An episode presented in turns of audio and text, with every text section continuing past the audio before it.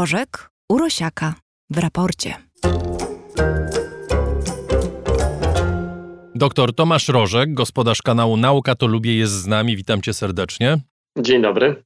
Mówię o sprawach skomplikowanych, ale może to jest na wyrost, zaraz wyjaśnię dlaczego. O pogodzie porozmawiamy. Niezwykłe upały panują w wielu miejscach Europy i nie tylko zresztą Europy. Na południu, w Grecji, Włoszech, Hiszpanii, na Bałkanach, w Turcji. Także w Stanach Zjednoczonych temperatury osiągają poziomy najwyższe od początku pomiarów, niekiedy nawet dochodzą do prawie 50 stopni, 48 stopni. Notowano y, w takich miejscach jak Turcja czy Hiszpania. I teraz pytanie jest, czy to jest coś niezwykłego, Tomku, czy raczej powinniśmy się odwołać do klasyki polskiej obserwacji socjologicznej? Na pewno pamiętają Państwo scenę z kotłowni w Misiu Stanisława Barei, kiedy palacz mówi, odpowiadając na telefon z ADM-u, jest zima, to musi być zimno, takie są odwieczne prawa natury. Teraz, Tomku, mamy lato. Więc musi być ciepło. No i, i tyle. No, można by jeszcze powiedzieć klasykiem, że taki mamy klimat. No i... Tak, to już jest troszkę późniejszy klasyk, tak. To jest późniejszy klasyk, no i właśnie klimat. Odpowiedź w zasadzie nie jest rzeczywiście skomplikowana.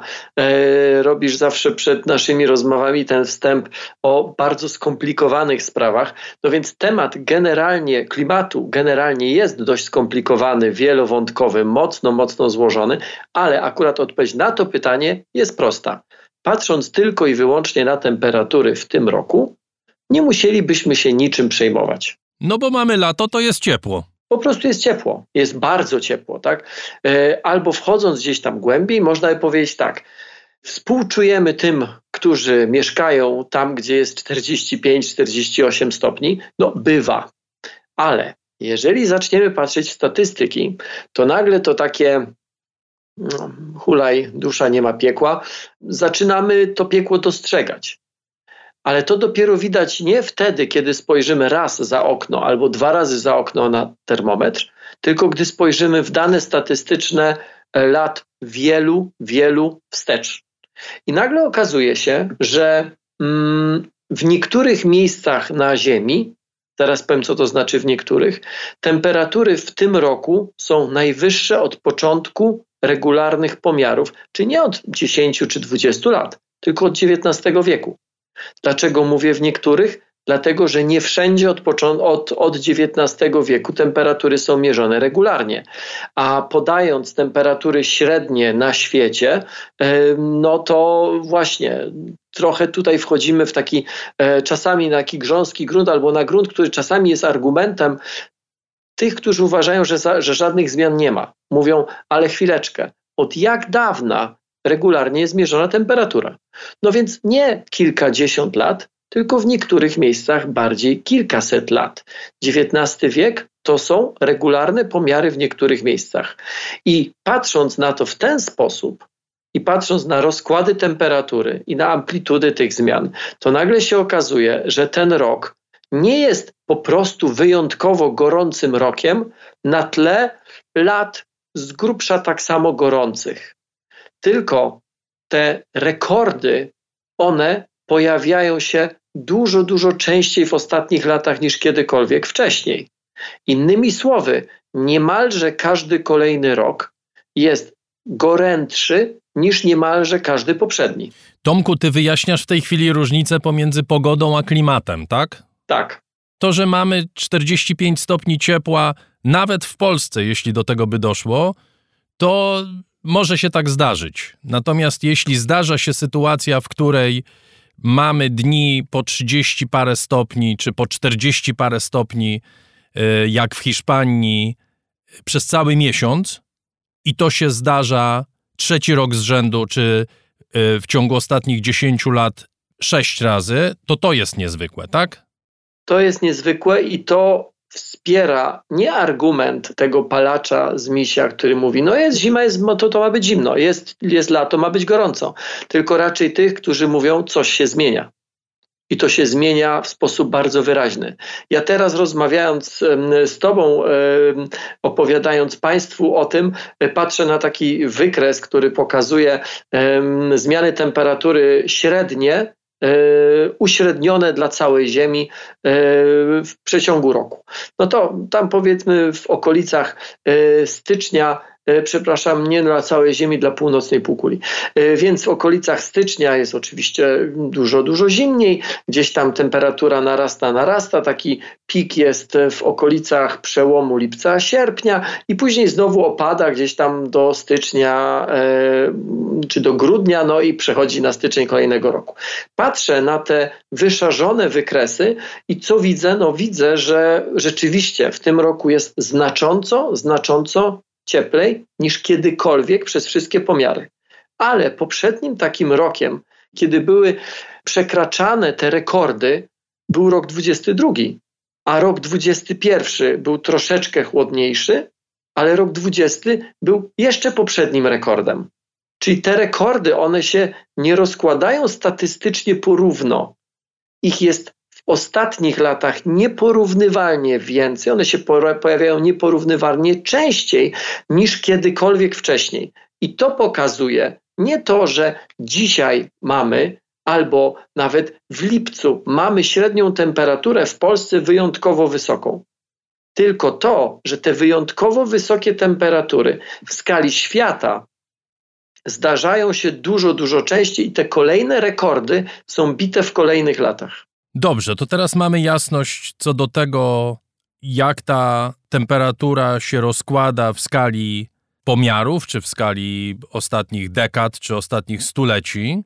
I jeszcze tylko jedno zdanie tutaj chcę dopowiedzieć, czy jedną informację. To nie jest tylko kwestia temperatury, bo zmiany klimatu albo ocieplenie klimatu najczęściej kojarzone są tylko i wyłącznie ze wzrostem temperatury.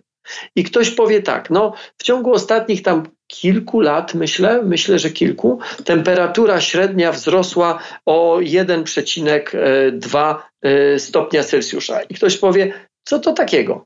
O, dokładnie teraz mam. W ciągu 8 lat wartość globalnego ocieplenia sięgnęła 1,2 stopnie Celsjusza. I ktoś powie, co to za różnica? Czy jest 20 czy 21,2? Żadna różnica. Otóż to nie jest do końca tak, bo po pierwsze mówimy o uśrednieniu. Są miejsca, gdzie ten wzrost jest znacząco większy i takimi miejscami na przykład są nasze bieguny. Biegun północny chociażby. Na, więc, więc to jest średnia, ale nawet gdyby pochodziło tylko o tą średnią, no to jeżeli ktoś ma 36,6 stopnia Celsjusza temperaturę ciała, to jak podniesiemy to o 1,2 stopnia, to nagle się robi 37,8, prawie 38. To już jest gorączka. No tak, ale oczywiście to jest analogia, ale przepraszam, nie wiem czy do końca trafiona, no bo czym innym jest temperatura ziemi i powietrza, czym innym jest temperatura ciała nie do końca jest nietrafiona, dlatego że zarówno globalny system jak i system naszego ciała, one są ustabilizowane w jakichś warunkach. I oczywiście, jak y, wyjdziemy na pełne słońce, to, nasz, to temperatura naszego ciała będzie wyższa i mm, zostanie włączony mechanizm, żeby ją obniżyć. Bo to niebezpieczne. Jak wyjdziemy źle ubrani na mróz, to temperatura ciała nam się zacznie obniżać. Jest cała masa różnych urządzeń, nazwijmy to w cudzysłowie, mechanizmów, które zaczynają ją podnosić. Stąd jak przykład mamy drżenie mięśni po to, żeby wytworzyć wyższą temperaturę, gdyż zmiana jakakolwiek e, jest niekorzystna, jest wręcz niebezpieczna. I to dokładnie tak samo działa w przypadku Ziemi w przypadku e, całego systemu klimatycznego, który ma bezpośrednie przełożenie na życie. Owszem, jednorazowe e, przesunięcie nie robi dużo, ale jak zaczyna się pojawiać pewien trend, to 1,2 albo 1,5, a mówimy o uśrednionej, bo tak mówię, są miejsca, gdzie ten wzrost jest znacząco większy, to to robi dużą różnicę. Ale to nie jest tylko kwestia samej temperatury to jest temperatura w zasadzie jest tylko takim, jakby to powiedzieć, uwidocznieniem tego problemu. W naszej atmosferze jest coraz więcej energii. Ta energia jest magazynowana w wiązaniach, w cząsteczkach tak zwanych gazów cieplarnianych. Ta energia to jest energia słoneczna, która nagrzała Ziemię, powierzchnię Ziemi, została od tej powierzchni odbita i powinna w większej części ulatywać w kosmos. Niestety, część z niej, zamiast ulatywać w kosmos, zostaje zatrzymana w naszej atmosferze. I to skutkuje wyższymi temperaturami, o czym rozmawialiśmy, ale to także skutkuje częstszymi, znacznie częstszymi ekstremalnymi zjawiskami pogodowymi. W przypadku Polski to są na przykład burze nawalne, a kiedy indziej susze. I znowu ten temat jest skomplikowany, bo patrząc na statystyki tak bardzo powierzchownie, ktoś mógłby powiedzieć, nic się nie dzieje, wszystko jest w normie bo w Polsce średnia opadów w ciągu roku z grubsza jest taka sama od dłuższego czasu. Ale jak zaczniemy się w to wczytywać głębiej, to się okazuje, że może i ilość wody spadająca na głowę jest mniej więcej taka sama. To charakter tych opadów zasadniczo się zmienił. Burze, które kiedyś, czy deszcze, które kiedyś trwały długo i nie były specjalnie uciążliwe, dzisiaj są krótkie i są, no właśnie, burzami nawalnymi. A do czegoś takiego nie jest dostosowana na przykład nasza flora i fauna. Woda nie zdąży wsiąknąć w ziemię, bo jej spada bardzo dużo i ona spływa do rzek.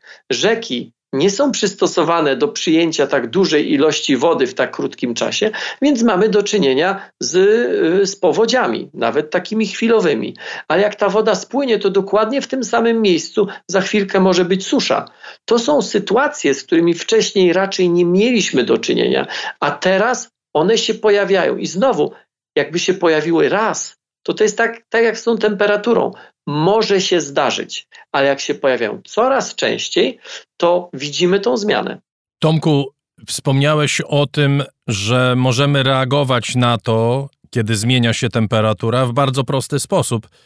Na przykład ubierzemy się ciepło i nasze ciało nie będzie traciło temperatury, mimo że na zewnątrz będzie zimno.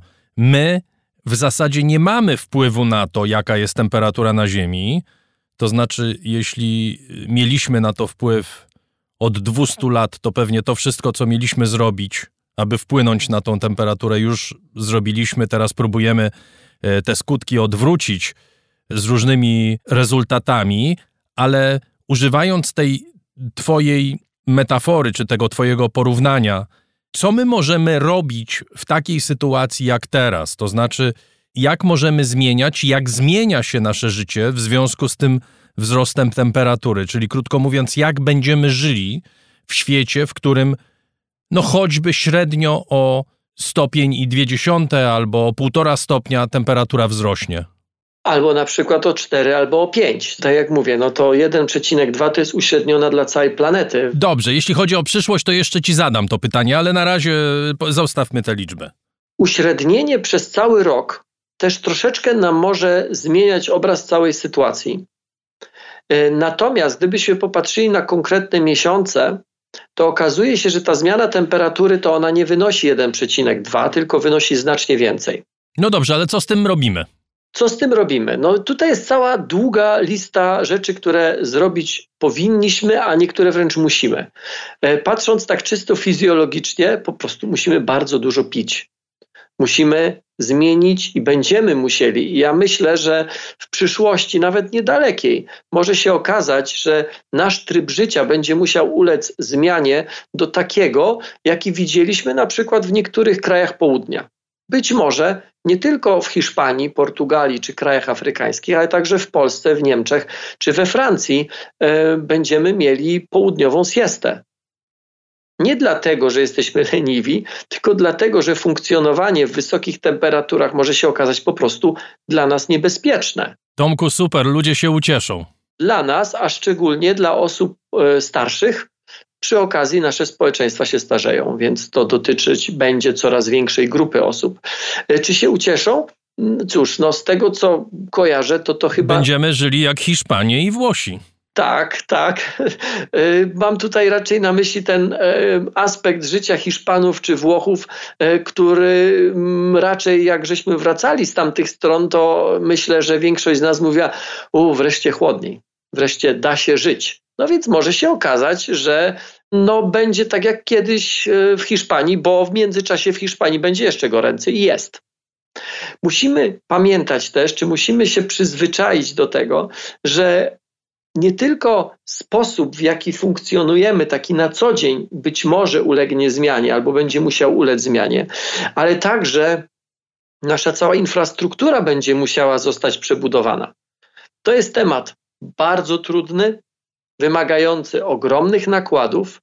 Nie da się tego oczywiście zrobić z dnia na dzień, ale chociażby to, o czym mówiłem w kontekście um, e, pogody, czyli, czyli e, deszcze, susze, powodzie, e, my być może zupełnie inaczej powinniśmy i już powinniśmy myśleć o właśnie infrastrukturze takiej odpornej na ekstremalne zjawiska atmosferyczne. Być może normy tu przyznaję, nie jestem ekspertem, być może te normy już uległy zmianie, ale normy dotyczące na przykład, nie wiem, spadu dachu albo, albo tego, jak place mają być remontowane miejskie, albo jakie przekroje mają być kanalizacji deszczowej, może tutaj będzie trzeba wprowadzić pewne zmiany, bo może się okazać, że po prostu porządna burza, która kiedyś występowała raz w roku albo raz na kilka lat, w naszych przestrzeniach geograficznych będzie występowała kilka razy w roku. Tomku, to wszystko opiera się na naszych przewidywaniach dotyczących zmian klimatu. No już nie do końca tylko przewidywaniach. To już nie jest tylko kwestia tego, co będzie. To jest moje pytanie. Czy my jesteśmy w stanie przewidzieć, jakie będą temperatury, biorąc pod uwagę, że nie jesteśmy w stanie powiedzieć, czy w Warszawie będzie padało w niedzielę? Możemy powiedzieć z pewnym przybliżeniem, ale możemy się pomylić i bardzo często się mylimy. Czy możemy przewidzieć, jakie będą temperatury? Bo to, to o czym mówisz, wymaga decyzji dotyczących ogromnych pieniędzy, nakładów pracy i nakładów finansowych na wielkie dekady. Czy my ciągle poruszamy się w projekcjach obarczonych dużym ryzykiem niespełnienia, czy my możemy już w tej chwili mówić o pewności dotyczącej przyszłych temperatur? Przyszłych to znaczy takich za 20 lat, za 50 lat, za 100 lat. Czy wiesz, jeżeli mnie pytasz, jaka będzie temperatura w Warszawie 21 lipca roku 2045, nie mam bladego pojęcia i nikt poważny. Nie, nie, ja cię o to nie pytam, ale cię pytam o ile. Ale gdybyś zapytał, bo pytasz o temperaturę w konkretnego dnia. No, jeżeli mielibyśmy zmienić sposób budowania domów w Warszawie, to powinniśmy wiedzieć, czy słusznie robimy, budując wszystkie domy z klimatyzacją na przykład, wszystkie mieszkania z klimatyzacją. Mieszkania z klimatyzacją mają niestety tę wadę, że klimatyzacja potrzebuje prądu, a produkcja prądu jest jednym z źródeł problemów. Chyba, że znajdziemy sposób na taką produkcję prądu, żeby nie było emisji gazów cieplarnianych. Wskazałeś na choćby jeden z problemów, prawda? Więc to jest trochę zapętlony. Ty powiedziałeś, nie wiemy, czy w niedzielę w Warszawie będzie padało, to czy potrafimy przewidzieć temperaturę w przyszłości. I tutaj jest nałożenie dwóch porządków, bo, bo to, czy pada, czy nie w najbliższą niedzielę w Warszawie, albo w jeszcze kolejną, to jest kwestia pogody. Natomiast to, czy my odpowiednio rozpoznajemy trendy, Czyli czy wiemy, jaka będzie temperatura średnio w Polsce yy, za 30 czy za 40 lat, to tutaj paradoksalnie ta pewność wynikająca z uśrednienia jest dużo większa niż e, próba przewidzenia pogody za kilka czy za kilkanaście dni. Więc dlatego mówię, nie wiem jaka będzie temperatura w Warszawie w roku 45, 2045 w lipcu albo 5 lipca, ale patrzę na trendy i widzę, w którą stronę ta historia dąży, ta historia idzie.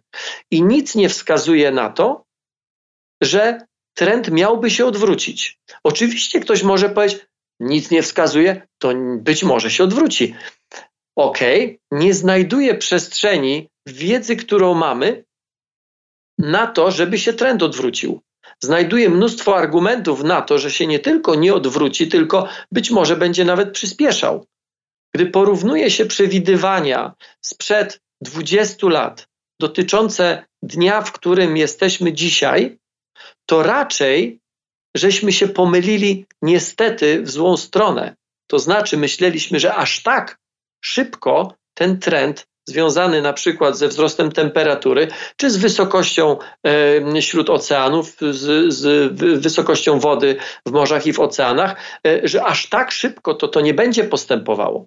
Innymi słowy, pod tym względem jest gorzej niż przypuszczaliśmy, a nie lepiej.